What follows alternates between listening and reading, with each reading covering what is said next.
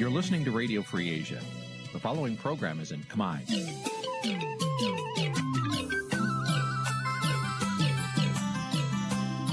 នេះជាកម្មវិធីផ្សាយវិទ្យុអាស៊ីសេរីនេះជាកម្មវិធីផ្សាយរបស់ Vithu Azisaray ជាភាសាខ្មែរវិទ្យុអាស៊ីសេរីសូមស្វាគមន៍លោកអ្នកនាងទាំងអស់ពីរដ្ឋធានី Washington នៃសហរដ្ឋអាមេរិក ចាប់ផ្សាយផ្ទាល់ពីរដ្ឋធានី Washington នាងខ្ញុំសុកជីវីសូមជម្រាបសួរលោកអ្នកនាងកញ្ញាដែលកំពុងតាមដានការផ្សាយរបស់ Vithu Azisaray សេរីទាំងអស់ជាទីមេត្រីយើងខ្ញុំសូមជូនកម្មវិធីផ្សាយសម្រាប់យប់ថ្ងៃអាទិត្យចាប់3កើតខែស្រាប ឆ្នាំខាលចត្វាស័កពុរសករាជ2566ចាប់ត្រូវនៅថ្ងៃទី31ខែកក្កដាគ្រិស្តសករាជ2022ចាស់ជាដំបូងនេះសូមអញ្ជើញលោកអ្នកនាង ស្ដាប់ព័ត៌មានប្រចាំថ្ងៃដែលមានមេត្តាដូចតទៅ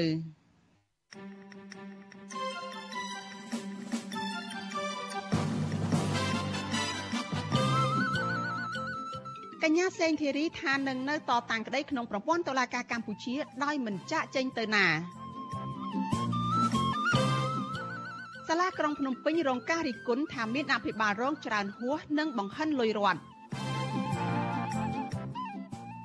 បរដ្ឋរងផលប៉ះពាល់ពីគម្រោងអភិវឌ្ឍប្រលានយន្តហោះនៅភ្នំពេញថ្មីជិត100នាក់ទៅដាក់ទៅផ្ទះលោកហ៊ុនសែនរកអន្តរាគមន៍ ឪពុកម្ដាយទារករងគ្រោះដោយក្រុមហ៊ុនទឹកដោះគោ Nutrilett រៀបរាប់ពីរឿងឈឺចាប់ខណៈមិនទទួលបានយុត្តិធម៌រួមទាំងព័ត៌មានសំខាន់សំខាន់មួយចំនួនទៀតចាជាបន្តទៅទៀតនេះនាងខ្ញុំសុជីវីសូមជូនព័ត៌មានទាំងនេះពិស្ដាចលនានាងជាទីមេត្រីកញ្ញាសេងធីរីថានឹងនៅតតាំងក្តីនៅក្នុងប្រព័ន្ធតុលាការកម្ពុជាលោកមេធាវីជួងជូងីដែលការពីក្តីឲ្យកញ្ញាអះអាងថា កូនក្តីរបស់លោកគឺកញ្ញាសេងធីរីប្រាប់លោកថា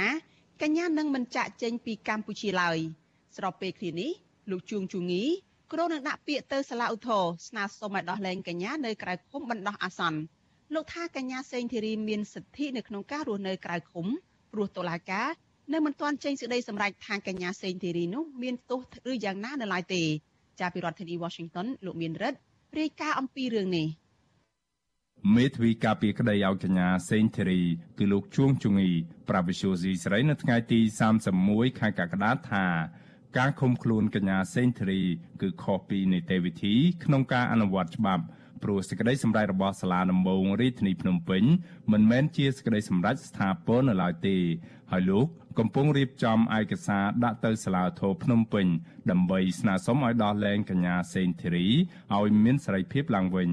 លោកយល់ថាកូនក្តីរបស់លោកជាមនុស្សស្អាតស្អំហើយការងាររបស់កញ្ញាសេងធីរី បានធ្វើកន្លងមកគ្រាន់តែជាសកម្មភាពនៃការបញ្ចេញមតិតវ៉ាដើម្បីលើកកម្ពស់លទ្ធិប្រជាធិបតេយ្យនៅក្នុងប្រទេសកម្ពុជាតែប៉ុណ្ណោះបើទោះបីជាកញ្ញាសេនធីរី មានសញ្ជាតិអាមេរិកក្តី លោកជួងជងីអះអាងថាកញ្ញាសេនធីរីនឹងនៅតែតតាំងក្តីនៅក្នុងប្រព័ន្ធតុលាការកម្ពុជា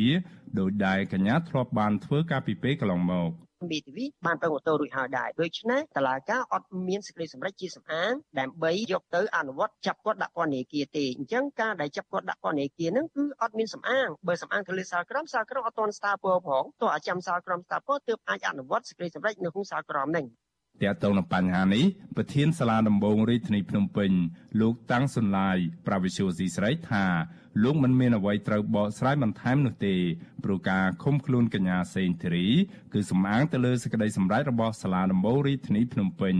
បាទគាត់យល់អញ្ចឹងប៉ុន្តែខាងជាក្រុមគាត់ធ្វើតាមនីតិវិធីគេអាចចាប់អាចឃុំបានអញ្ចឹងតើគាត់បានសម្អាងហេតុក្នុងសារក្រមអីតើហើយបើគាត់ព្រមគាត់ដឹងទៅទៅខ្ញុំអត់មានយោបល់លើសពីនឹងកើតទេ ជុំវិញរឿងនេះមន្ត្រីនៃសមាគមការពារសិទ្ធិមនុស្សអាត6លោកយីសុកសានយល់ថាតឡាការគួរដោះលែងកញ្ញាសេងធីរីឲ្យមានសេរីភាពឡើងវិញដោយករណីតឡាការដោះលែងសកម្មជនបរិស្ថាន សកម្មជនសិទ្ធិមនុស្សកាលពីពេលកន្លងមក ដើម្បីលើកកម្ពស់សេរីភាពនៃការបញ្ចេញមតិនិងកិត្តិយសរបស់រដ្ឋាភិបាល លោកបានថែមថាកញ្ញាសេងធីរី គឺជាបុគ្គលគំរូដែលមានភាពក្លាហានតស៊ូមតិបង្ហាញពីចំណុចខុសឆ្គងរបស់រដ្ឋាភិបាល ហើយក្លាហានតតាំងក្តីជាមួយតុលាការកម្ពុជានឹងមិនចាកចេញទៅអាមេរិកនោះឡើយ កញ្ញាសេងធារីគាត់គោរពទៅតាមគោលការណ៍តឡាការហ្នឹងហើយបានគាត់មិនទៅណានោះហើយក្នុងនាមគាត់ជាឯកជនអាមេរិកផងគាត់មានសិទ្ធិក្នុងការចេញក្រៅបានប៉ុន្តែគាត់មិនចេញទេដោយសារគាត់យល់ថាគាត់មិនមានទោសទេដូច្នេះខ្ញុំយល់ថាគួរតែដោះលែងឲ្យគាត់នៅក្រៅឃុំទៅតាមម្ដេចការស្នើសុំរបស់មេធាវីអ្នកជំនាញច្បាប់និងវិជាសាស្ត្រនយោបាយអន្តរជាតិ កញ្ញាសេនធីរីត្រូវបានសាលាដំបងរាជធានីភ្នំពេញកាត់ទោសឲ្យជាប់ពន្ធនាគាររយៈពេល6ឆ្នាំ កាលពីថ្ងៃទី14ខែមិថុនាពីបទចោទរួមគំនិតក្បត់នៅក្នុងសំណុំរឿងវិលត្រឡប់ចូលស្រុកវិញរបស់ប្រធានស្ដីទីគណៈបកសង្គ្រោះជាតិលោកសំរងស៊ីកាលពីឆ្នាំ2019មុនការខាត់ខ្លួនកញ្ញាសេងធារីបានតតាំងជាមួយតុលាការជាច្រើនខែ ហើយកញ្ញាបានចាត់ទុកតុលាការកម្ពុជា ជាតុលាការសម្ដែងល្ខោនរៀបចំឡើងដោយអ្នកនយោបាយអង្គការសង្គមសិវិជាតិនិងអន្តរជាតិនិងសហរដ្ឋអាមេរិកចាត់ទុកការផ្ដន្ទាទោសកញ្ញាសេងធារី ថាជារឿងនយោបាយនិងស្នើឲ្យតុលាការកម្ពុជា ដោះលែងកញ្ញាសេងធារីឲ្យមានសេរីភាពឡើងវិញដោយឥតលក្ខខណ្ឌខ្ញុំបានមេរិត Visual C ស្រីរាយការណ៍ពីរដ្ឋធានី Washington ចាលោក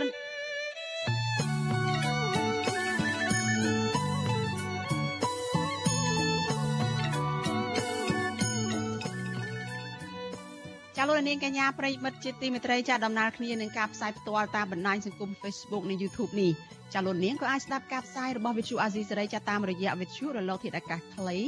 SW ចាតាមកម្រិតនិងកម្ពស់ដូចតទៅនេះពេលព្រឹកចាប់ពីម៉ោង5កន្លះដល់ម៉ោង6កន្លះ តាមរយៈរលកធាតុអាកាសខ្លី12140 kHz ស្មើនឹងកម្ពស់ 25m និង13715 kHz ស្មើនឹងកម្ពស់ 22m ពេលយប់ចាប់ពីម៉ោង7កន្លះដល់ម៉ោង8កន្លះតាមរយៈរលកធាតុអាកាសខ្លី9960 kHz ស្មើនឹងកម្ពស់ 30m 12140 kHz ស្មើនឹងកម្ពស់ 25m និង11885 kHz ស្មើនឹងកម្ពស់ 25m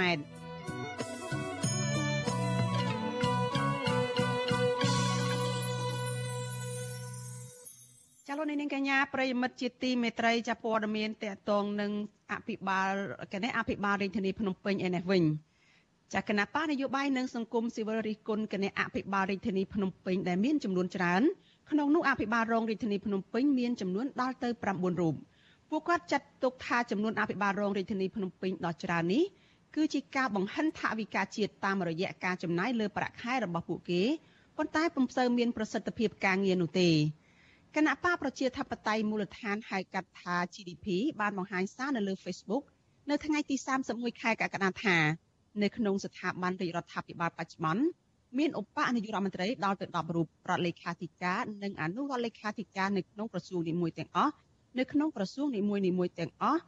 28ក្រសួងដែលមានចំនួនពី10ទៅ20រូបសម្រាប់ថ្នាក់ក្រោមជាតិវិញអភិបាលរងរាជធានីខេត្តមានចំនួន9រូបជាមធ្យមហើយអភិបាលរងក្រុងខណ្ឌក៏ច្រើនសម្បើមណាស់ដែរចាគណៈបកនេះបន្តថា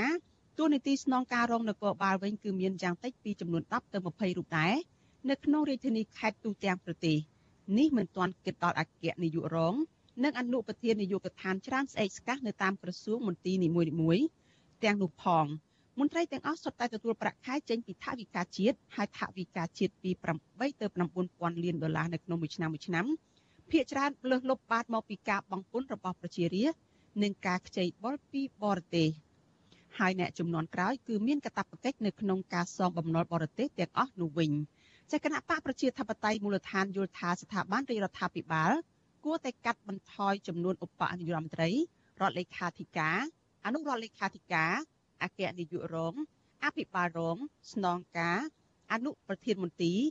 និងប្រធាននិងប្រធាននិងអនុប្រធាននាយកដ្ឋានឲ្យមកត្រឹមតែ3រូបដោយគោលនយោបាយរបស់ខ្លួនគណៈបកនយោបាយផ្សេងទៀតនិងសង្គមស៊ីវិលក៏រិះគន់ថារដ្ឋបាលក្បាលធំដោយសពថ្ងៃនេះគឺគ្រាន់តែជាការចែកតួនាទីការងារគ្នាធ្វើ ដើម្បីចាយវេថវិកាជាតិខ្ជះខ្ជាយតែប៉ុណ្ណោះខណៈកម្ពុជាកំពុងតែជាប្រទេសក្រីក្រមួយចាប់ប្រតិកម្មរបស់គណៈបានយោបាយនិងសង្គមស៊ីវិលនេះគឺបន្ទាប់ពីមានការចែកចាយរូបភាពរចនាសម្ព័ន្ធរបស់អភិបាលនៃគណៈអភិបាលរាជធានីភ្នំពេញបច្ចុប្បន្ននេះអភិបាលរាជធានីភ្នំពេញដឹកនាំដោយលោកពួងស្រេងអភិបាលរួមមានចំនួន9រូបក្នុងនោះរួមមានលោកសុយសេរិតលោកកើតឆែអ្នកស្រីកៅសុពិសីលោកមានច័ន្ទយ៉ាដាលោកហ៊ុនផារ៉ាត់ ចាលោកហ៊ុនហៃលោកសុកពេញពុតលោកឃ្លាំងហួត និងលោកហ៊ុនសុរិទ្ធីក្រុមថ្នាក់ដឹកនាំសាលារាជធានីភ្នំពេញទៅនេះមានគេឈ្មោះអាស្រូវអំពីរឿងរំលោភសិទ្ធិមនុស្សដែរតាមរយៈការដឹកនាំកងកម្លាំងសន្តិសុខទៅបង្ក្រាបលើពលរដ្ឋដែលបានតវ៉ាដោយអហិង្សាដូចជាប្រជាពលរដ្ឋរងគ្រោះដីធ្លីកម្មករកសិករចាសកម្មជនសិទ្ធិមនុស្សនិងក្រុមគ្រួសារសកម្មជននយោបាយជាដើម ចលនានាងកញ្ញាជាទីមេត្រីជុំវិញរឿងនេះចានេះខ្ញុំមានសម្ភារផ្ទាល់មួយជាមួយនឹងប្រធានប្រតិបត្តិនៃគណៈបកសង្គ្រោះជាតិប្រចាំរាជធានីភ្នំពេញហើយក៏ជាសមាជិកក្រុមប្រឹក្សាជាប់ឆ្នោតនៅរាជធានីភ្នំពេញកាលពីបានពីអាណត្តិផងដែរនោះគឺលោកប៉ុនផាឡាតែបច្ចុប្បន្ននេះលោកកំពុងភៀសខ្លួននៅក្រៅប្រទេសចានេះខ្ញុំនៅមានសម្ភារផ្ទាល់មួយជាមួយនឹងលោកប៉ុនផាឡាតេតងនឹងចំនួនគណៈអភិបាលរាជធានីភ្នំពេញនៅក្នុងពេលនេះ ចាសូមជម្រាបសួរលោកមនផាឡាពីចម្ងាយចាបាទសូមជម្រាបសួរបាទចាលោកមនផាឡាតើយ៉ាងម៉េចទៅវិញរឿងនេះធម្មតានៅក្នុងស្ថាប័នរដ្ឋតែងតែមានតម្រូវការនៅក្នុងការបន្ថែមមន្ត្រីដើម្បីបំពេញការងារទៅតាមតម្រូវការនៅក្នុងវិស័យការងារនោះបំរើទៅដល់ប្រជាពលរដ្ឋ តើមូលហេតុអ្វីបានជាចំនួនអភិបាលរងរាជធានីភ្នំពេញមានចំនួន9នាក់នេះទៅជាមានបញ្ហាថាជាការដែលចែកទួនាទីគ្នាហើយបង្ហិនថវិកាជាតិនឹងទៅវិញចា៎បាទជាបឋមខ្ញុំសូមគោរពជម្រាបសួរបងប្អូនជនរួមជាតិហើយឆ្លៀតក្នុងឱកាសនេះខ្ញុំគ្រារៀងណាស់ដែលបានជួបសភាផ្ទាល់ជាមួយសក្ការីវិទ្យុអាស៊ីសេរី ខ្ញុំយល់ឃើញថារាជរដ្ឋាភិបាលដែលតែងតាំងមន្ត្រីរបស់ខ្លួនច្រើននៅតាមស្ថាប័នតាមក្រសួងមន្ទីរតាមសាលារាជធានីខេត្តបែបនេះ គឺជារៀងជាខ្ជិះខ្ជាយថវិកាជាតិហើយជាការខាតប្រយោជន៍របស់ប្រជាពលរដ្ឋដែលបងពុនចូលរដ្ឋហើយនឹងចំលុយចំនួនមួយចំនួនដែល បរទេសគេជួយមកឲ្យអភិវឌ្ឍប្រទេសកម្ពុជាយើងហើយដូច្នេះហើយការដែលតែងតាំងមន្ត្រីធ្វើការច្រើននៅក្នុងសាលាខេត្តសាលាក្រុងបែបនេះគឺប្រសិទ្ធភាពការងារនោះគឺมันមាននោះទេផ្ទុយទៅវិញគឺបន្ថែមបន្ទុកចំណាយរដ្ឋហើយបន្ថែមបន្ទុកទៅលើប្រជាពលរដ្ឋទៅវិញទេបាទ ចាតើបន្ថែមបន្ទុកនឹងយ៉ាងណាខ្លះទៅចាទី1មន្ត្រីទាំងអស់នោះសិតតែមានឈ្មោះអាស្រូវធ្លាប់ធ្វើបាបប្រជាពលរដ្ឋតែជាពិសេសនៅរាជធានីភ្នំពេញ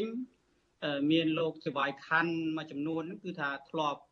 ធ្វើទុកបុកម្នេញជាពិសេសនៅកណ្ដាលរាជធានីភ្នំពេញហ្នឹងកន្លងទៅហើយហេតុដូច្នេះហើយកិច្ចការងារទាំងអស់នេះគឺ มันបានឆ្លុះបញ្ចាំងអំពីប្រសិទ្ធភាពនៅក្នុងការដោះស្រាយជូនប្រជាពលរដ្ឋឲ្យបានត្រឹមត្រូវទេមែនតើគឺធ្វើបំពេញចិត្តអ្នកដែលតែងតាំងទៅវិញទេបាទมันបានធ្វើកិច្ចការដោយស្មោះត្រង់ចំពោះប្រជាជនពិតប្រាកដទេចា លោកមនផល្លាមែនទែនទៅមន្ត្រីអាជ្ញាធររដ្ឋនឹងគាត់មិនជាមានប្រាក់ខែអីច្រើនទេ តាមធម្មតាហ្នឹងប្រាក់ខែហ្នឹងក៏ល្មមល្មមមិនសឹងថាមិនមិនអាចចិញ្ចឹមគ្រួសារបានទេតើខ្ជះខ្ជាយថវិកាជាតិនឹងយ៉ាងម៉េចខ្លះទៅចាអឺខ្ញុំគ្រាន់តែឧទាហរណ៍មួយថាកន្លងទៅគម្រោងអភិវឌ្ឍទាំងអស់គឺ នៅក្នុងរាជធានីភ្នំពេញគឺត្រូវបានដាក់ដេញថ្លៃក៏ប៉ុន្តែការដេញថ្លៃនោះมันបានធ្វើទៅថាទៅតាមបទដ្ឋានបច្ចេកទេសនៃការដាក់ដេញថ្លៃជាសាធារណៈនោះទេគឺជាការគប់គិតគ្នារវាងក្រុមហ៊ុនហើយនឹងមន្ត្រីសាលាក្រុងហេតុដូច្នេះហើយ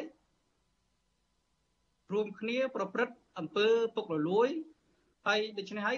ប្រសិទ្ធភាព គុណភាពនៃការអភិវឌ្ឍនៃការកសាងផ្លូវថ្នល់ឬក៏ស្ពានអីនោះគឺมันមានគុណភាពនោះទេហើយដូច្នេះតកតងទៅនឹងសំណួររបស់លោកស្រីសួរថាប្រាក់បៀវត្សពួកគាត់មិនច្រើនចំណុចនេះគឺចង់បញ្ជាក់ថាពួកគាត់ធ្វើជាមន្ត្រីបម្រើគណៈបកមិនបានបំរើប្រជាពលរដ្ឋទេគាត់ខិតខំប្រឹងប្រែងប្រព្រឹត្ត អំពើពុករលួយ ខិតខំប្រឹងប្រែងធ្វើបាបប្រជារាស្ត្រប្រជាពលរដ្ឋហើយជាពិសេសតំបន់នៅជីក្រុងដែលតែកន្លងទៅគឺថាយើងមានបឹងជាច្រើននៅជុំវិញរាជធានីភ្នំពេញឥឡូវនេះគឺគាត់បានខົບខិតគ្នាជាមួយឈ្មួញហើយ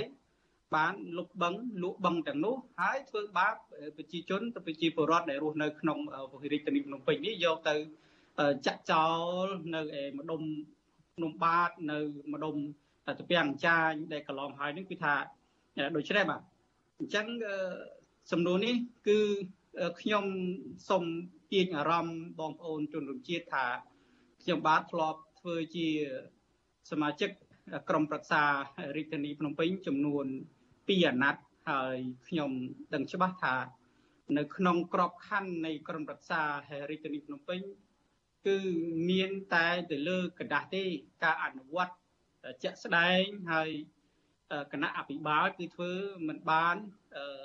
ស៊ីជម្រៅជាមួយក្រមរក្សាទេដូច្នេះគាត់ធ្វើទៅតាម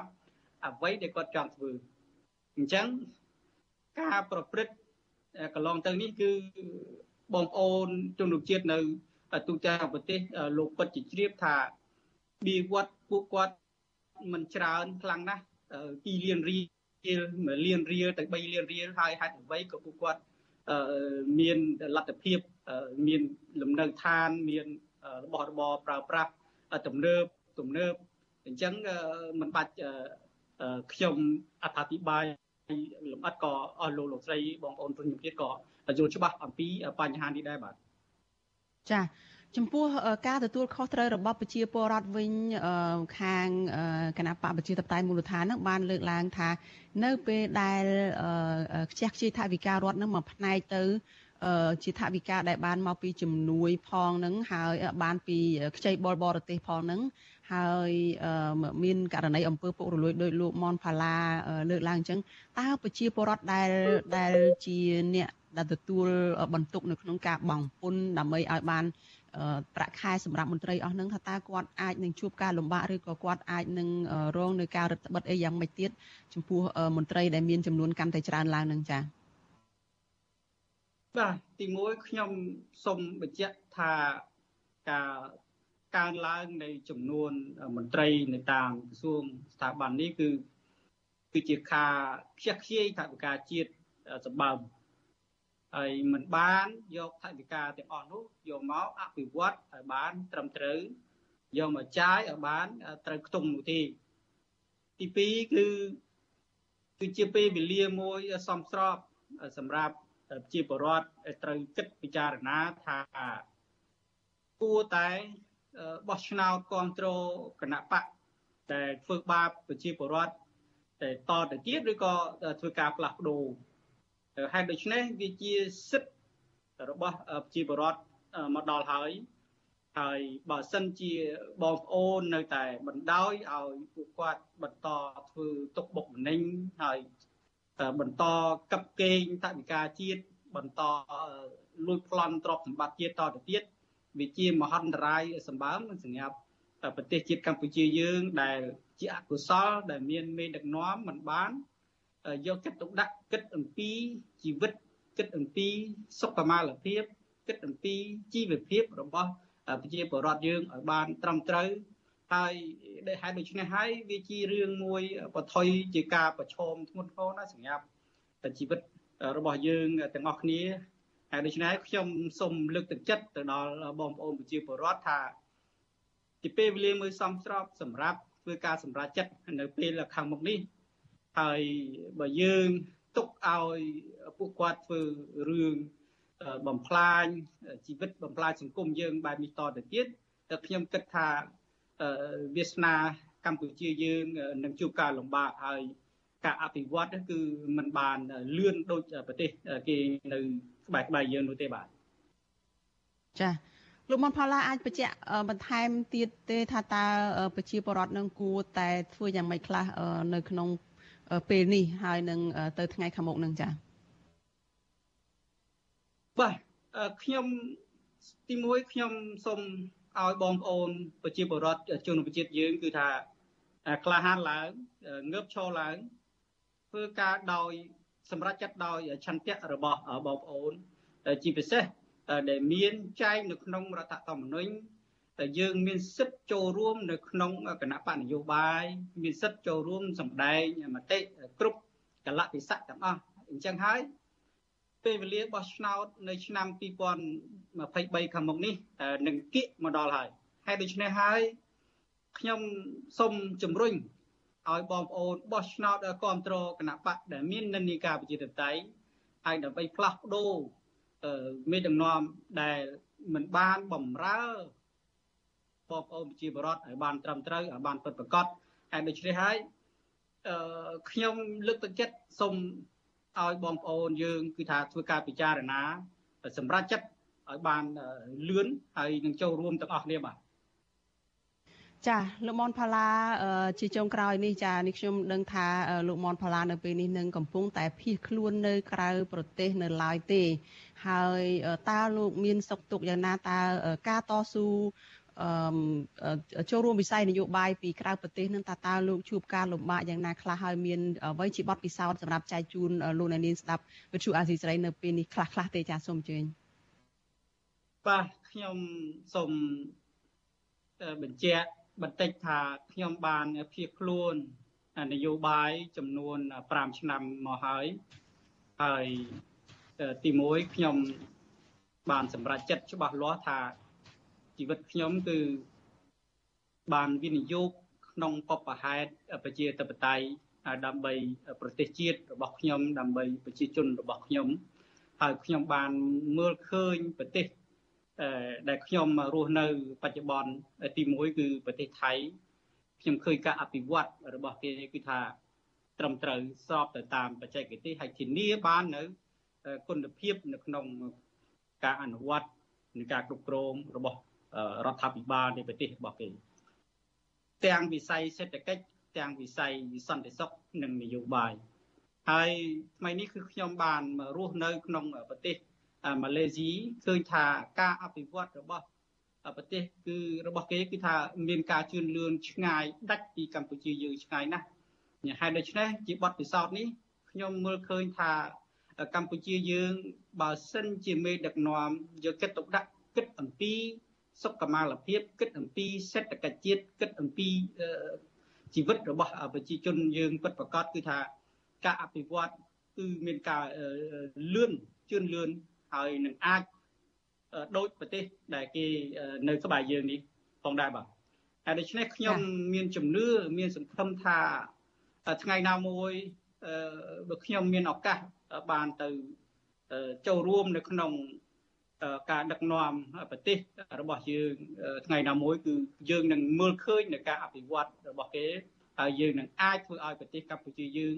ជឿនលឿនដូចប្រទេសគេអញ្ចឹងដែរបាទចាអញ្ចឹងលោកនៅតែទន្ទិញថានឹងវិលត្រឡប់ទៅកម្ពុជាវិញនៅពេលណាមួយឬក៏ឆាប់ឆាប់ខាងមុខនេះដែរចាបាទពិតប្រកបហើយបាទខ្ញុំបានសម្រេចចិត្តដូចខ្ញុំបញ្ជាក់អមិញមិញថា បាន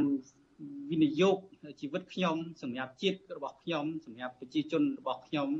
ហើយខ្ញុំនឹងវិលត្រឡប់ទៅកម្ពុជាវិញនៅពេលដ៏ខ្លីខាងមុខនេះ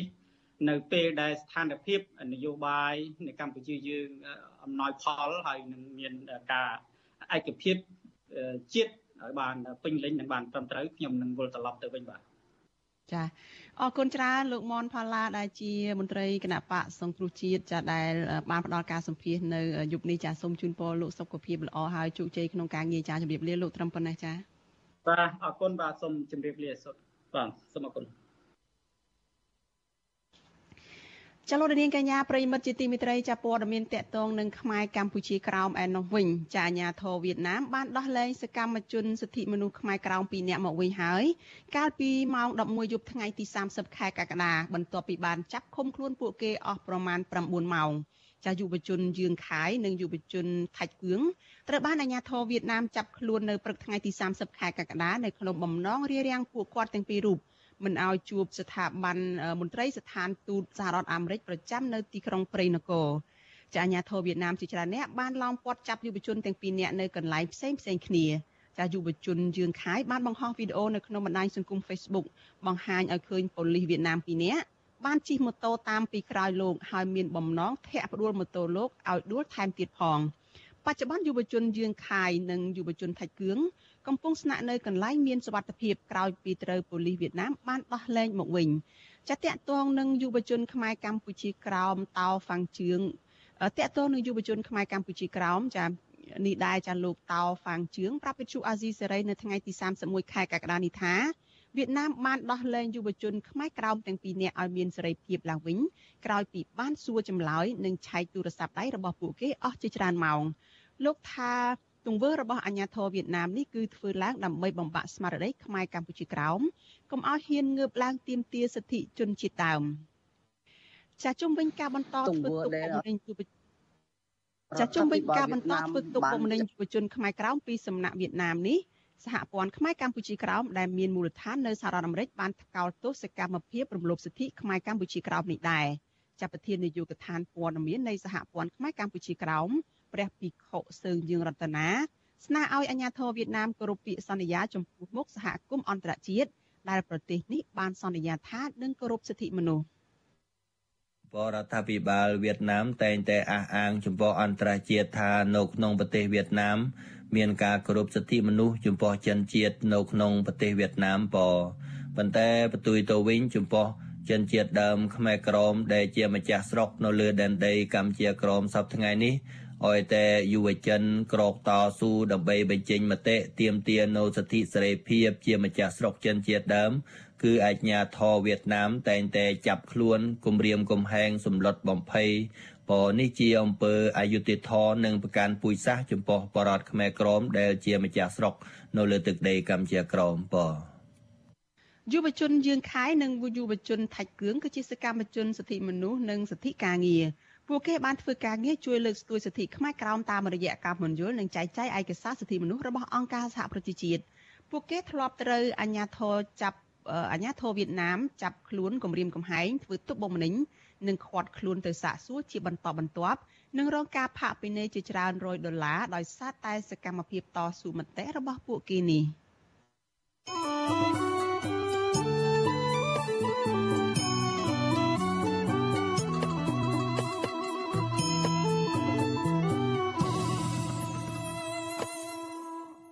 ចាលោកនាងកញ្ញាជាទីមេត្រីលោកអ្នកកំពុងតែតាមដានការផ្សាយរបស់វិទ្យុអាស៊ីសេរីចាប់ផ្សាយចេញពីរដ្ឋធានី Washington សហរដ្ឋអាមេរិកចាព័ត៌មានដាច់ដោយឡែកមួយទៀត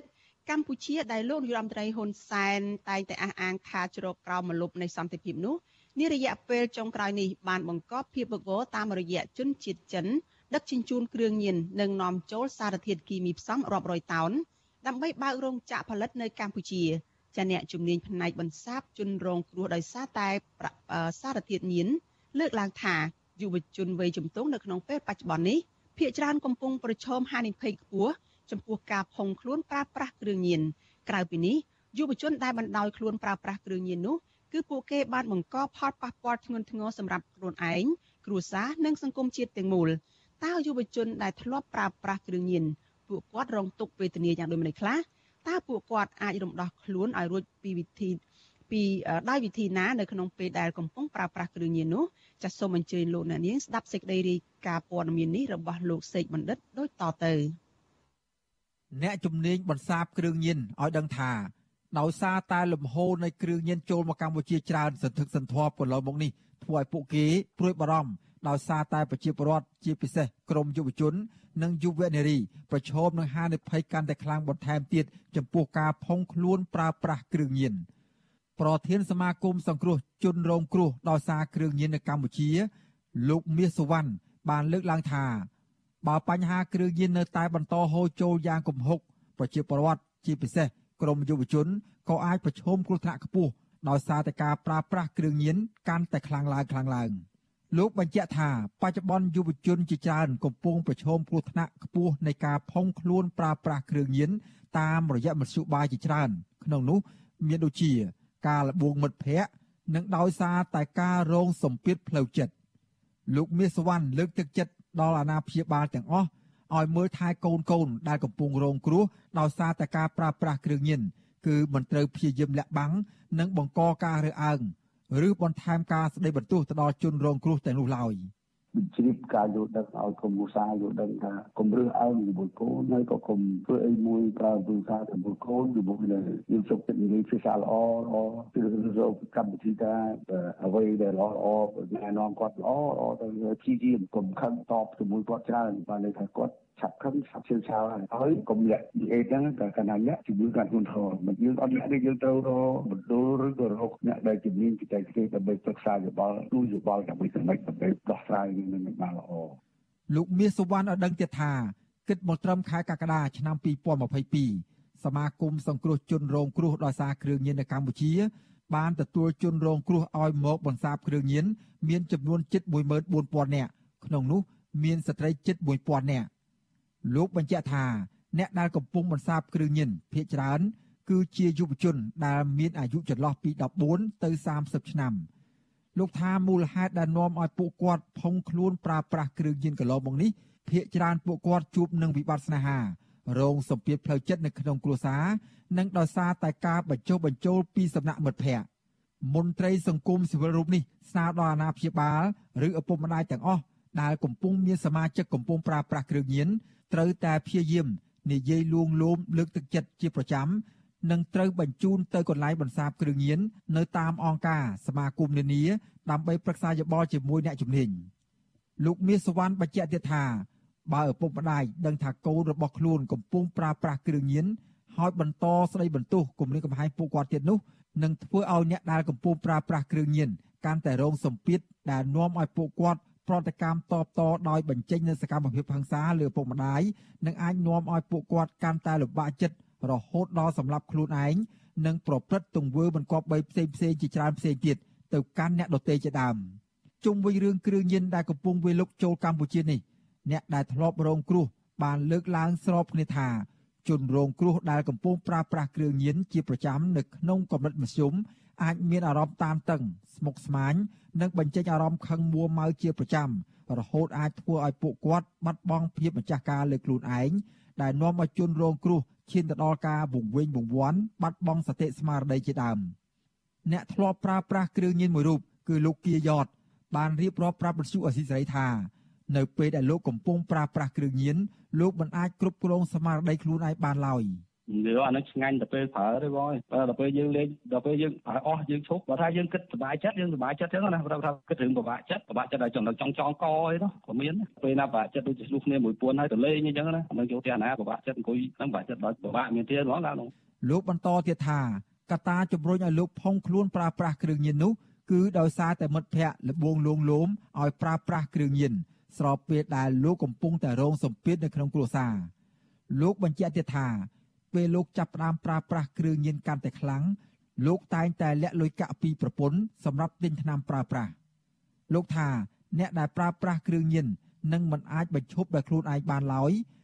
ដោយសារតែឥទ្ធិពលនៃថ្នាំញៀនទាំងនោះ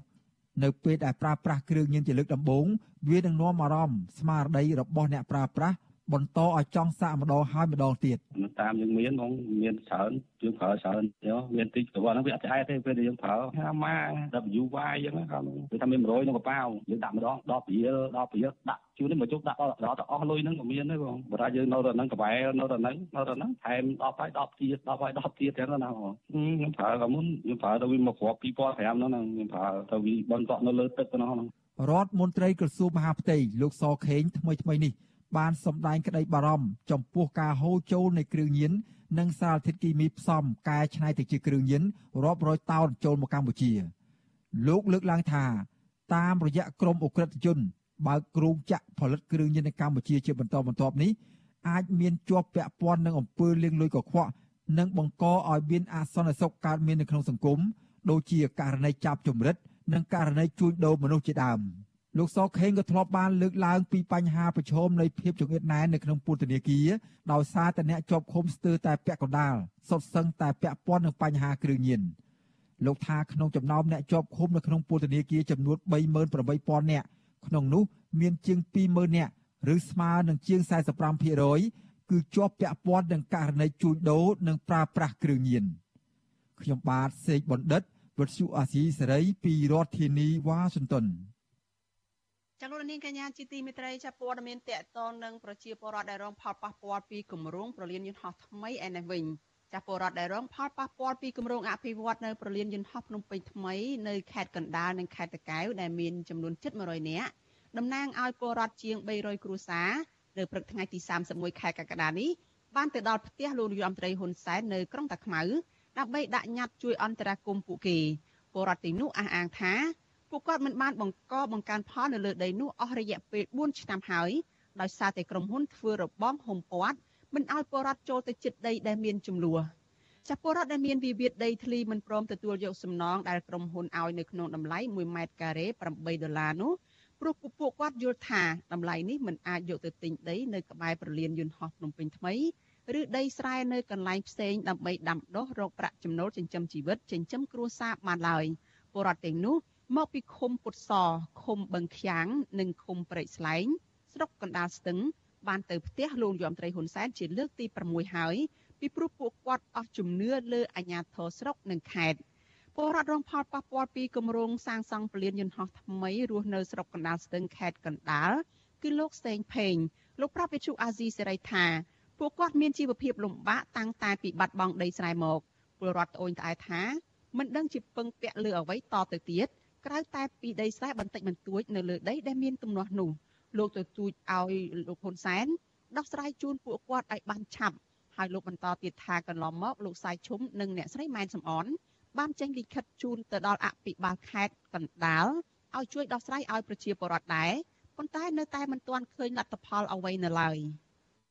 តែដូចអត់ឃើញមានដំណោះស្រាយខ្ញុំខ្លាចគេយល់អ្មេអាម៉េចធ្វើខាងយកទៅហើយយកទៅកប់ទុកចោលមិនដឹងអីក៏មិនដឹងនេះគេខ្លាចខ្ញុំជឿចិត្តថាការងារអស់ហ្នឹងរឿងឯកសារអង្គបើសិនជាដល់ដៃដាច់ពុកខ្ញុំជឿចិត្តថាគាត់នឹងអាចរកដំណោះស្រាយជូនជូនបងប្អូនជាពលរដ្ឋបានបាទតែខ្លាចថាបងប្អូនគាត់យកទៅតម្កល់ទុកចោលបាទមើលឯកសារមើលចេញសេចក្តីលិខិតសសជើណរបស់អដែងសម្ដេចរាជឈុំចេញមកមកច្បាប់ឲ្យស្វាយខាត់លោកជួយធ្វើអន្តរាគមលោកអត់បានធ្វើអន្តរាគមជាមួយបងប្អូនជាពលរដ្ឋទេចាពលរដ្ឋរងផលប៉ះពាល់ពីចំនួនដីធ្លីនេះម្នាក់ទៀតលោកអឹមតារាប្រាប់ថាលោកបានយកញត្តិទៅប្រគល់ដល់ដៃអាជ្ញាធរនៅផ្ទះលោកហ៊ុនសែនគឺលោកអុកឈោហើយលោកអុកឈោសន្យាថានឹងយកញត្តិនោះទៅដាក់នៅថ្នាក់លើបន្តទៀតដើម្បីឲ្យដល់ដៃលោកនាយរដ្ឋមន្ត្រីហ៊ុនសែនលោកបន្តថាកន្លងមកមានមន្ត្រីរដ្ឋសភាធ្លាប់ប្រាប់ថា មូលហេតុដែលធ្វើឲ្យយឺតយ៉ាវនៅក្នុងការដោះស្រាយនោះគឺមកពីមានអំពើពុករលួយជាប្រព័ន្ធបណ្ដាលឲ្យបាត់បង់ផលប្រយោជន៍របស់ប្រជាពលរដ្ឋលោកបញ្ជាក់ថានៅថ្ងៃនេះមានពលរដ្ឋខ្លះមិនបានមកដល់ផ្ទះលោកហ៊ុនសែនទេព្រោះអាជ្ញាធរចាំស្ទាក់ចាប់ម៉ូតូដែលពួកគាត់ជិះ សម្ដេចអគ្គមហាសេនាបតីហ៊ុនសែនលោកជួយអន្តរាគមន៍ដោះស្រាយអឺផលប៉ះពាល់ក្នុងតម្លៃដីធ្លីហ្នឹងឲ្យវាបានសមរម្យដែលអាចទទួលយកបានព្រោះវាក្រោមទីផ្សារពេកមួយការ៉េ8ដុល្លារសម្រាប់ខេត្តកណ្ដាលឬក៏ខេត្តតាកែវលក់ទៅវាមិនអាចទៅទិញណាបានទេសូម្បីតែយើងក្នុងពលានវា8ដុល្លារប្រាក់ពលានមួយការ៉េជាង100ហ្នឹង110នៅទំនប់88ជាប់គ្នាហ្នឹង ចាស់ស្រដៀងគ្នានេះដែរពលរដ្ឋរងគ្រោះដីធ្លីម្នាក់ទៀតរស់នៅឃុំពុតសស្រុកបាទីខេត្តតាកែវលោកស្រីអុកសឿននិយាយទាំងមុខស្រពោនថាលោកស្រីមិនជំទាស់នឹងការអភិវឌ្ឍរបស់អភិរដ្ឋរដ្ឋាភិបាលនេះទេ តែសូមកុំឲ្យពលរដ្ឋរងទឹកភ្នែកពីការអភិវឌ្ឍនោះលោកស្រីបន្តថាលោកស្រីមានតែដីមួយកន្លែងទេដូច្នេះលោកស្រីស្នើសុំដល់លោកហ៊ុនសែនឲ្យជួយអន្តរាគមន៍ដល់លោកស្រីដើម្បីបានដាំដុះរកប្រាក់ចំណូលចិញ្ចឹមជីវិត។ សូមឲ្យសម្ដេចពុកសម្ដេចម៉ែនឹងជួយជួយដំណោះស្រាយរឿងដីទីហ្នឹងប្រកូនអត់បានធ្វើស្រែហ្នឹងវា4ឆ្នាំហើយឯងក៏លើតែខគីឡូទេចង់សូមឲ្យសម្ដេចពុកសម្ដេចម៉ែនឹងជួយកូនផងជួយរកដំណោះស្រាយឲ្យកូនផងអត់មានដីណាទៀតទេមានតែដីនៅក្នុងលៀនហ្នឹង ចាស់ចំណែកឯពលរដ្ឋរងគ្រោះម្នាក់ទៀតគឺលោកគង់ខុនក៏មិនព្រមទទួលយកសំណង8ដុល្លារនៅក្នុង1ម៉ែត្រការ៉េដែរលោកសូមអន្តរាគមពីលោកហ៊ុនសែនឲ្យជួយរកដំណោះស្រាយឲ្យបានលឿនយ៉ាងហោចណាស់បានត្រឹមតម្លៃមួយដែលសមរម្យដែលអាចយកទៅទិញដីនៅកន្លែងផ្សេងបានលោកបន្ថែមថាក្រុមហ៊ុនបានហុំព័ទ្ធរបងដីស្រែរបស់ពួកគាត់មិនឲ្យពួកគាត់ចូលទៅធ្វើស្រែនោះអស់រយៈពេល4ឆ្នាំមកហើយទិញកទិញស្រូវលំបាកមួយកលៀនណា ទៅសារឲ្យក្រុមហ៊ុនគាត់អស់ហើយឈរមុខជីវភាពការរស់នៅនឹងខ្លួនខ្វះមុខខ្វះក្រោយពីគូខ្លះគាត់ធ្វើស្រែសម្រាប់ចិញ្ចឹមជីវិតតែឥឡូវអស់ស្រែគាត់ទិញក្នុងកគេហូបអញ្ចឹងគាត់ជាអ្នកស្រែមានអីសង្គមមានស្រែហ្នឹងចាវិទ្យុអាស៊ីសេរីនៅមិនទាន់អាចសុំការអធិប្បាយអំពីរឿងនេះពីអភិបាលខេត្តកណ្ដាលលោកគង់សុភ័ណ្ឌបានទេ នៅថ្ងៃទី31ខែកក្កដានេះ តែជុំវិញបញ្ហានេះនាយកទទួលបន្ទុកទូតនៃអង្គការលីកាដូលោកអំសំអាតលើកឡើងថាវិវាទដីធ្លីរបស់ប្រជាពលរដ្ឋនៅប្រលានយន្តហោះភ្នំពេញថ្មីនេះគឺអូសបន្លាយពេល4ឆ្នាំមកហើយចាប់ពលរដ្ឋនៅតែរងទុក្ខយំស្រែករោគយុត្តិធម៌ដដែលត្បិតអញ្ញាធរហាក់មិនមានវិធានការជាក់លាក់ណាមួយដើម្បីដោះស្រាយជូនពួកគាត់នៅឡើយលោកនៅតែទទូចដល់រដ្ឋាភិបាលឲ្យជួយពន្លឿនដោះស្រាយវិវាទដីធ្លីរបស់ប្រជាពលរដ្ឋនេះឲ្យបានឆាប់ ព្រោះការអូសបន្លាយពេលវេលានឹងធ្វើឲ្យប៉ះពាល់ទៅដល់ជីវភាពរស់នៅរបស់ពួកគាត់ បាទដំណោះស្រាយនេះចេះតែអូសបន្លាយពេលវេលាទៅទៀតនិងមានប៉ះពាល់ច្រើនទីមួយជីវភាពរស់នៅរបស់ពួកគាត់ទី2ភាពភ័យខ្លាចក្នុងការបាត់បង់ដីធ្លីនឹងហើយទី3អាចប្រឈមមុខផ្សេងផ្សេងទៀតព្រោះកន្លងមក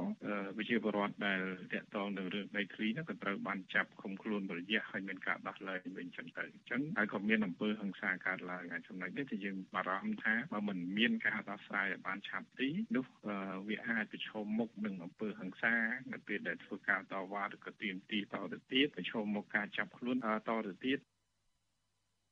ចាស់គម្រោងសាងសង់ប្រលានយន្តហោះភ្នំពេញថ្មីដែលទទួលបន្ទុកដោយក្រុមហ៊ុន OCIC និងអភិវឌ្ឍនៅលើផ្ទៃដីជិត3000ហិកតានៅស្រុកកណ្ដាលស្ទឹងខេត្តកណ្ដាលដែលនៅចម្ងាយប្រហែល30គីឡូម៉ែត្រពីរាជធានីភ្នំពេញនិងស្ថិតនៅក្នុងភូមិអាគ្នេយ៍នៃទីក្រុងភ្នំពេញ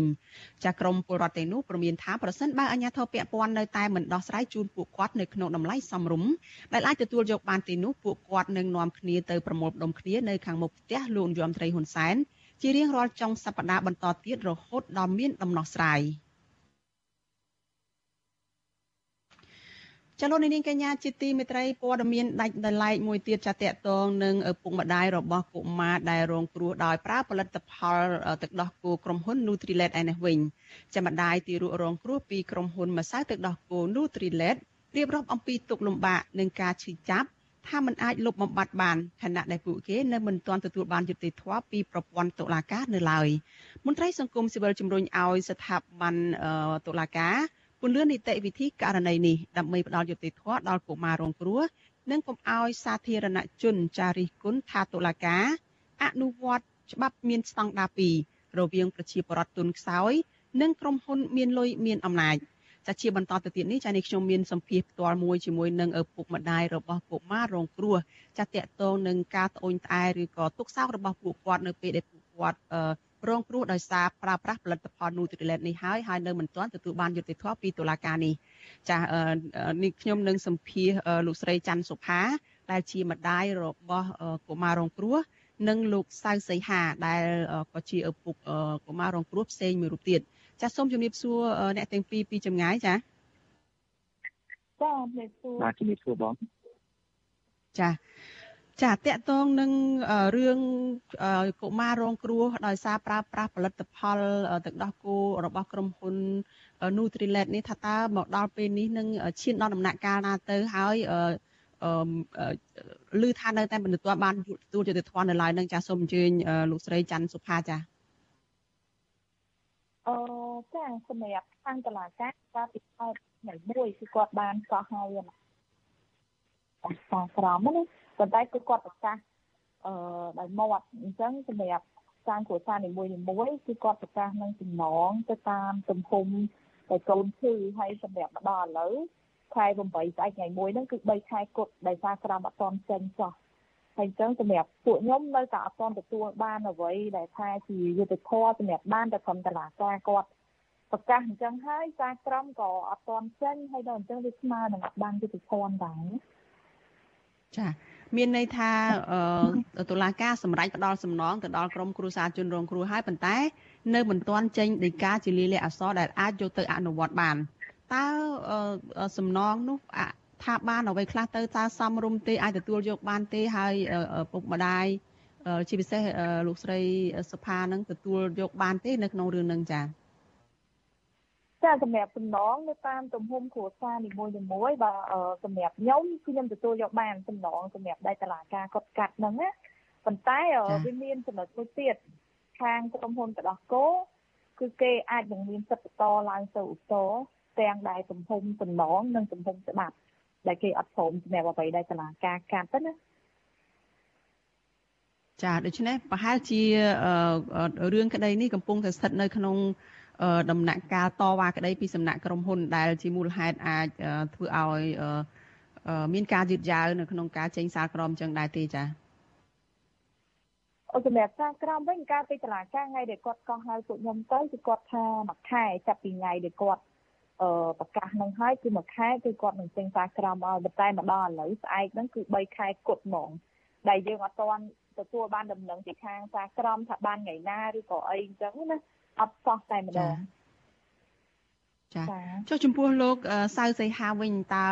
លោកទទួលយកបានទេចំពោះសំណងដែលនឹងផ្ដល់ឲ្យគ្រួសាររបស់លោកនឹងថាតើអាចទូទាត់អាចយកទៅជាការជួយព្យាបាលសុខភាពរបស់កូនលោកនឹងបានយ៉ាងម៉េចយ៉ាងណាខ្លះដែរចា៎អឺបាទអរគុណបងសម្រាប់សំណួរអឺ សម្រាប់ខ្ញុំអឺបើគិតថាសំណងដើម្បីឲ្យកូនខ្ញុំដើម្បីទទួលបានអឺយុតិធម៌ប៉ុណ្ណេះខ្ញុំគិតថាវាមិនតាន់ទទួលបានសម្រាប់ខ្ញុំទេក៏ប៉ុន្តែយើងត្រូវគិតដែរថាក្រុមហ៊ុនក៏គាត់មានវិបត្តិដូចគ្នាអញ្ចឹងអឺការចាត់ក្តីរបស់តុលាការខ្ញុំគិតថាខ្ញុំអាចទទួលយកបានយើងបាននេះថាវាមិនមែនប៉ុណ្ណឹងយើងអាចថាអឺព្យាបាលនៅអ្វីដែលយើងអឺ ឲ្យគាត់មុំហើយឲ្យគាត់ទទួលនៅរងផលប៉ះពាល់នេះក៏ប៉ុន្តែយើងត្រូវគិតពីខាងក្រុមហ៊ុនខាយដែរថាពួកគាត់អាចផ្ដល់ចំណងដល់សមរម្យមួយសម្រាប់ពួកខ្ញុំអញ្ចឹងខ្ញុំគិតថាអឺប៉ុណ្ណេះគឺយើងអាចទទួលយកបានហើយអឺអឺអ្វីដែលយើងចង់បាននេះទៀតនោះគឺអឺការអនុវត្តពីតុលាការដើម្បីឲ្យដឹងថាអូខេប្រទេសកម្ពុជាយើងគឺពិតជាមានច្បាប់ពិតប្រាកដមែន បាទអរគុណបងចាអឺចំពោះស្ថានភាពកូនកូនរបស់លោកនិងលោកស្រីវិញថាតើពេលនេះគាត់មានស្ថានភាពយ៉ាងម៉េចសុខភាពគាត់នឹងយ៉ាងម៉េចក្រោយពីរងផលប៉ះពាល់ពីការប្រើប្រាស់ផលិតផលរបស់ក្រុមហ៊ុន Nutrilite ហ្នឹងចាលោកសីហាអឺបាទអរគុណបងសម្រាប់កូនខ្ញុំបច្ចុប្បន្ននេះគាត់មានសុខភាពធម្មតាវិញហើយ ក៏ប៉ុន្តែយើងមិនអាចមើលឃើញថាពីខាងក្រៅថាគាត់មានបញ្ហាអីនៅមុខទៀតទេព្រោះពួកអីកូនខ្ញុំអ្វីដែលខ្ញុំបារម្ភជាងគេគឺគាត់បានន័យថាគាត់ធំក្បាលឆ្លៃពីក្មេងដតីក៏ប៉ុន្តែអ្វីដែលជាជាសញ្ញាថាឲ្យផ្ដល់ផលប៉ះពាល់សម្រាប់គាត់ហ្នឹងយើងអត់ទាន់ឃើញទេហើយខ្ញុំចង់យកគាត់ទៅពិនិត្យខួរក្បាលមួយសាទៀតក៏ប៉ុន្តែគាត់នៅក្មេងពេកបង គាត់ទឹកតែអាយុ3ឆ្នាំទេអញ្ចឹងនៅពេលដែលយើងបញ្ចូលគាត់នៅក្នុងម៉ាស៊ីនដើម្បីពិនិត្យខួរក្បាលយើងខ្លាចគាត់មានបញ្ហាមួយទៀតគឺបញ្ហាខ្លាចខ្លាចរហូតដល់ដល់ថ្នាក់គាត់អាចទទួលយកបានអញ្ចឹងបច្ចុប្បន្ននេះអឺគឺខ្ញុំអត់ទាន់ហ៊ានធ្វើអីទេគឺគ្រាន់តែតាមដានមើលពួកគាត់ថាអឺតើគាត់មានសញ្ញាអីដែលមើលទៅផ្ដល់គ្រោះថ្នាក់ឲ្យគាត់ឬក៏អត់ហើយពិនិត្យទៅតាមអឺការណាត់របស់គ្រូពេទ្យ គឺមានតែប៉ុណ្្នឹងឯងពួកខ្ញុំខ្ញុំអត់ទាន់ហ៊ានបញ្ជូនគាត់ទៅក្នុងម៉ាស៊ីនដើម្បីឲ្យគាត់ពិនិត្យគ្រប់សារពាង្គកាយរបស់គាត់គឺយើងហ៊ានទេដោយសារអីទីមួយដោយខ្ញុំអតិចមុននឹងអញ្ចឹងគឺយើងខ្លាចបំផុតនៅពេលដែលគាត់ខ្លាចកើតជំងឺអីមួយផ្សេងទៀតអញ្ចឹងណាបងបាទចាអញ្ចឹងស្ថិតនៅក្នុងការតាមដាននៅឡើយទេបើទោះបីជាពេលនេះគាត់អាយុ3ឆ្នាំហើយក៏ដោយចុះចំពោះការចងចាំការឆ្លាតវៃរបស់គាត់ ក្នុងកម្រិតដែលគាត់ជាកុមារ3ឆ្នាំនោះតើមើលទៅស្ថានភាពគាត់នោះដូចក្មេងទូទៅដែរធម្មតាទេឬក៏មានការប្រែប្រួលអីយ៉ាងម៉េចខ្លះចាអឺសម្រាប់កូនខ្ញុំគឺអ្វីដែលខ្ញុំសង្កេតមើលបច្ចុប្បន្ននេះគឺបានន័យថាគាត់មានសភាពការលូតលាស់របស់គាត់ហ្នឹងគឺយឺតយ៉ាវជាងក្មេងដទៃដែលសិនជាយើងប្រៀបធៀបគាត់ហើយនឹងក្មេងដទៃដែលមានអាយុស្មើគ្នាបានន័យថាគេគេ កូនគេបានន័យថាគេចេះនិយាយច្បាស់ហើយនេះហើយនៅកូនខ្ញុំគាត់តែបានអឺប៉ាម៉ាក់ហើយនឹងពាក្យមួយចំនួនដែលដែលយើងព្យាយាមបរៀនគាត់បន្ថែមនៅពេលដែលយើងទំនេរពីការងារទេអញ្ចឹងអឺបើយើងបើយើងប្រៀបធៀបជាមួយក្មេងដតីគឺខ្ញុំគិតថាគាត់នៅមានសភាពយឺតជាងក្មេងដតីប្រហែលជាបើយើងគិតទៅប្រហែលជា5ទៅ6ខែនៃអាយុរបស់វាអញ្ចឹងណាបងបាទចាចា ចាចំពោះលោកស្រីសុផាវិញចាតើស្ថានភាពកូនរបស់លោកស្រីពេលនេះយ៉ាងម៉េចទៅហើយឮថាមានចង់លើកឡើងពីការលំបាកការត្អូញត្អែនឹងយ៉ាងម៉េចខ្លះចាចាអរគុណអឺសម្រាប់កូនរបស់ខ្ញុំវិញឃើញថាការលូតលាស់របស់គាត់អឺធម្មតាប្រកដីដូចក្មេងដតីប៉ុន្តែគ្រាន់ថា ថ្ងៃអនាគតឬក៏យើងមើលពីឥឡូវពីសម្បកក្រៅយើងអត់ដឹងដោយសារដូចថ្ងៃដែលតឡាការមុននឹងប្រកាសសារក្រមគាត់បានអញ្ជើញខាងក្រសួងសុខាភិបាលដើម្បីទៅបកស្រាយអំពីកង្វះអាហារឧបត្ថម្ភហ្នឹងណាចាហើយសម្រាប់គាត់ក៏បានបកស្រាយថាក្មេងដែលខ្វះជាតិដែកនិងសង្កសីគឺគាត់នឹងមានផលប៉ះពាល់ទៅថ្ងៃខាងមុខតែគ្រាន់ថាតិចនៅច្រើនគឺអាស្រ័យនៅលើអ្វីដែលយើងខំប៉នកូនយើងឡើងមកវិញអញ្ចឹងណា តែអញ្ចឹងគាត់ក៏អត់បានថាមិនប្រកាសថាពេលគាត់ធំទៅអាចនឹងប៉ះពាល់នេះប៉ះពាល់នោះវាអត់ដឹងដោយសារគាត់វាថាវាអត់មានអីជាជាក់លាក់គ្រាន់តែតាមអ្វីដែលឯកសាររបស់ WHO ដែលគាត់បានជា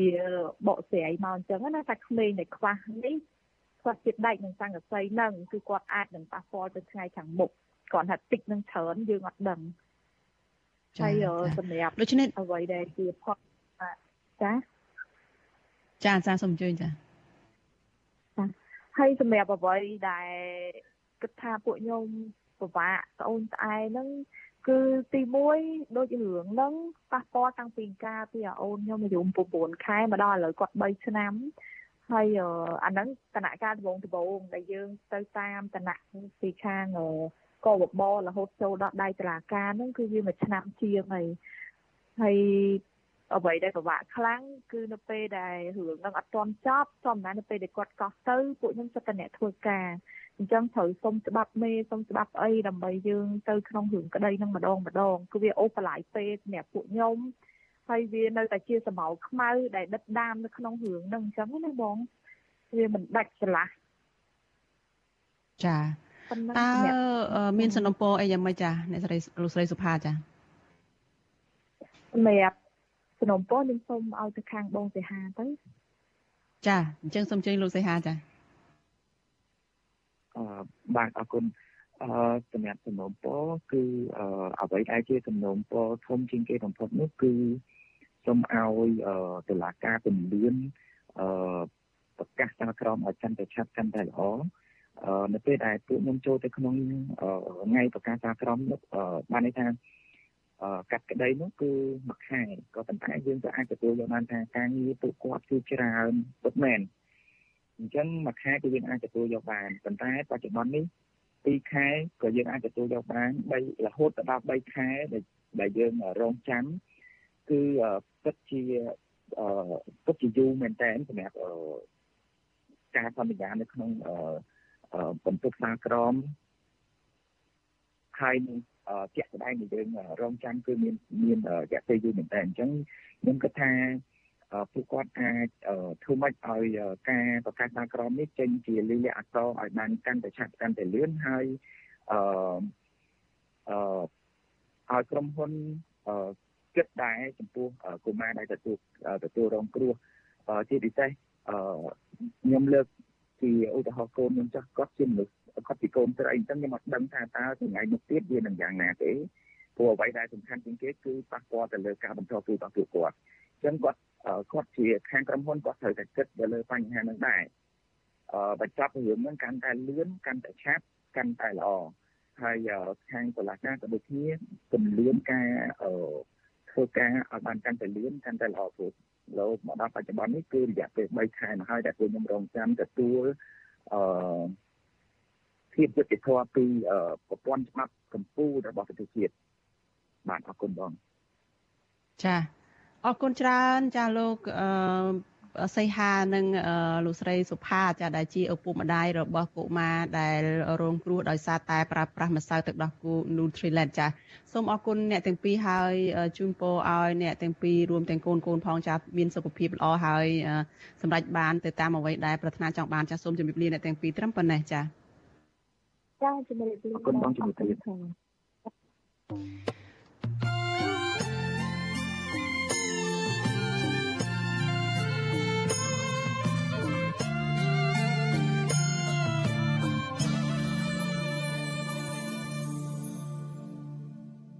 ចាលោកនាងកញ្ញាប្រិយមិត្តជាទីមេត្រីចាដំណើរគ្នានឹងការផ្សាយផ្ទាល់តាមបណ្ដាញសង្គម Facebook និង YouTube នេះចាលោកនាងក៏អាចស្ដាប់ការផ្សាយរបស់ Vithu Azizi សេរីចាតាមរយៈ Vithu រលកធាតុអាកាសខ្លី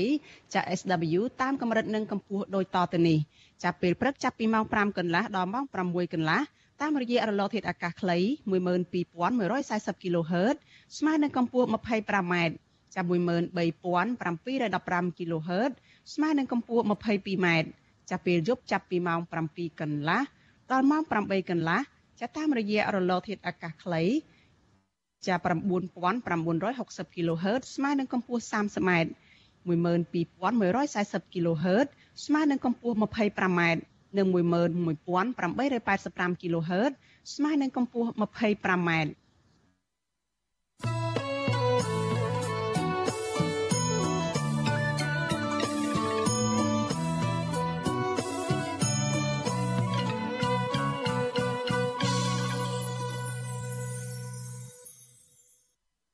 ចាលោកនាងកញ្ញាជាទីមេត្រីលោកអ្នកកំពុងតែតាមដានការផ្សាយរបស់វិទ្យុអាស៊ីសេរីចាព័ត៌មានពីខេត្តប្រស័យហនុឯនោះឲ្យដឹងថាចាសកម្មជនបរិស្ថាននិងសកម្មជនរិះសកម្មជនសង្គមចាស់រិះគន់អភិបាលស្រុកព្រៃនប់ខេត្តប្រស័យហនុដែលបណ្ដោយឲ្យក្រុមហ៊ុនក្រុមឈ្មួញអចលនទ្រព្យលុបដីឆ្នេរសមុទ្ររៀមចាសសូមអធិស្ឋានលុបដីឆ្នេរសមុទ្ររៀមចាស់ដែលជាប់នឹងរង្វង់មូលព្រះសេវៈ ហើយដោយលក់ចេញជាដីឡូដែលធ្វើឲ្យប៉ះពាល់ធ្ងន់ធ្ងរទៅដល់បរិស្ថានចាការរីគុណនេះគឺក្រោយពីពួកគេមើលឃើញថាអញ្ញាធរពពាន់មិនបានអើពើទប់ស្កាត់ការលុបឆ្នេរសមុទ្រនេះឲ្យបានត្រឹមត្រូវនោះឡើយចាសកម្មជនបរិស្ថាននិងសង្គមស៊ីវិលលើកឡើងថាឆ្នេរសមុទ្រនៅខេត្តព្រះសីហនុអាចនឹងคล้ายទៅជាដីគោកនៅក្នុងពេលដ៏ខ្លីខាងមុខប្រសិនបើអាជ្ញាធរនៅតែបណ្ដេតបណ្ដោយឲ្យជនខិលខូច ចាក់លុបដីឆ្នេរសមុទ្រដូច្នេះចាំមន្ត្រីផ្នែកប្រព័ន្ធផ្សព្វផ្សាយនៃបណ្ដាញយុវជនកម្ពុជាហៅកាត់ថា CVN គឺលោកម៉ាចត្រាលោកឲ្យដឹងថាការលុបឆ្នេរសមុទ្រនៅកម្ពុជានេះគឺធ្វើហាក់ឡើងគឺធ្វើឡើងហាក់តែតាមអំពើចិត្តរបស់អ្នកមានអំណាចដោយមិនបានគិតគូរឲ្យបានស៊ីជម្រៅជុំវិញផលប៉ះពាល់ដល់បរិស្ថាន លោកមើលឃើញថាប្រសិនបើបញ្ហានេះនៅតែបន្តកើតមានជាហូរហែបបែបនេះនឹងធ្វើឲ្យខូចសោភ័ណភាពឆ្នេរ រួមនឹងសម្បត្តិសាធារណៈដែលអាជ្ញាធរពាក់ព័ន្ធគួរតែត្រូវបានថែរក្សាហើយគឺទុកជាសម្បត្តិរួមទុកជាសម្បត្តិរួមមិនគួរលក់ឲ្យក្រុមហ៊ុនឯកជននោះទេចាស់ជាមួយគ្នានេះដែរសកម្មជនបរិស្ថាននៃចលនាមេតាធម្មជាតិដែលធ្លាប់ជាប់ពន្ធនាគារកន្លងទៅគឺកញ្ញាឡុងពុនធាលើកឡើងថាបញ្ហាលុបឆ្នេរឬក៏បឹងធម្មជាតិនេះគឺជារឿងធម្មតាទៅហើយបើទោះបីជាដឹងថា ការលុបបឹងឬក៏លុបឆ្នេរផ្សេងផ្សេងកន្លងមកនោះបង្កឲ្យមានផលប៉ះពាល់ជាហូរហែក៏ដោយកញ្ញាអះអាងថាអាញាធរគួរតែគិតគូរឡើងវិញដើម្បីផ្លាស់ប្ដូរអរិយាប័ត្រនៅក្នុងការអភិវឌ្ឍដែលកុំឲ្យការអភិវឌ្ឍនោះប្រែទៅជាបំផ្លាញសម្បត្តិធម្មជាតិបែបនេះព្រោះទង្វើនេះនឹងផ្ដល់នៅជាគំរូអាក្រក់ទៅដល់ឈ្មួញរកស៊ីមួយចំនួននៅពេលបច្ចុប្បន្ននេះចាស់ឆ្លើយតបទៅនឹងរឿងនេះ អភិបាលស្រុកព្រៃនប់ចាគឺលោកសកកដាប្រាប់វិទ្យុអាស៊ីសេរីយ៉ាងខ្លីថាលោកមិនបានដឹងរឿងលោកឆ្នេរនេះទេព្រោះនេះមិនមែនជាកិច្ចការរបស់លោកចាលោកអ្នកនាងនៅបានស្ដាប់សេចក្តីរាយការណ៍ពិស្ដារអំពីរឿងនេះនៅក្នុងការផ្សាយរបស់វិទ្យុអាស៊ីសេរីនៅព្រឹកស្អែកចាដែលនឹងចាប់ផ្ដើមពីម៉ោង5កន្លះដល់ម៉ោង6កន្លះព្រឹក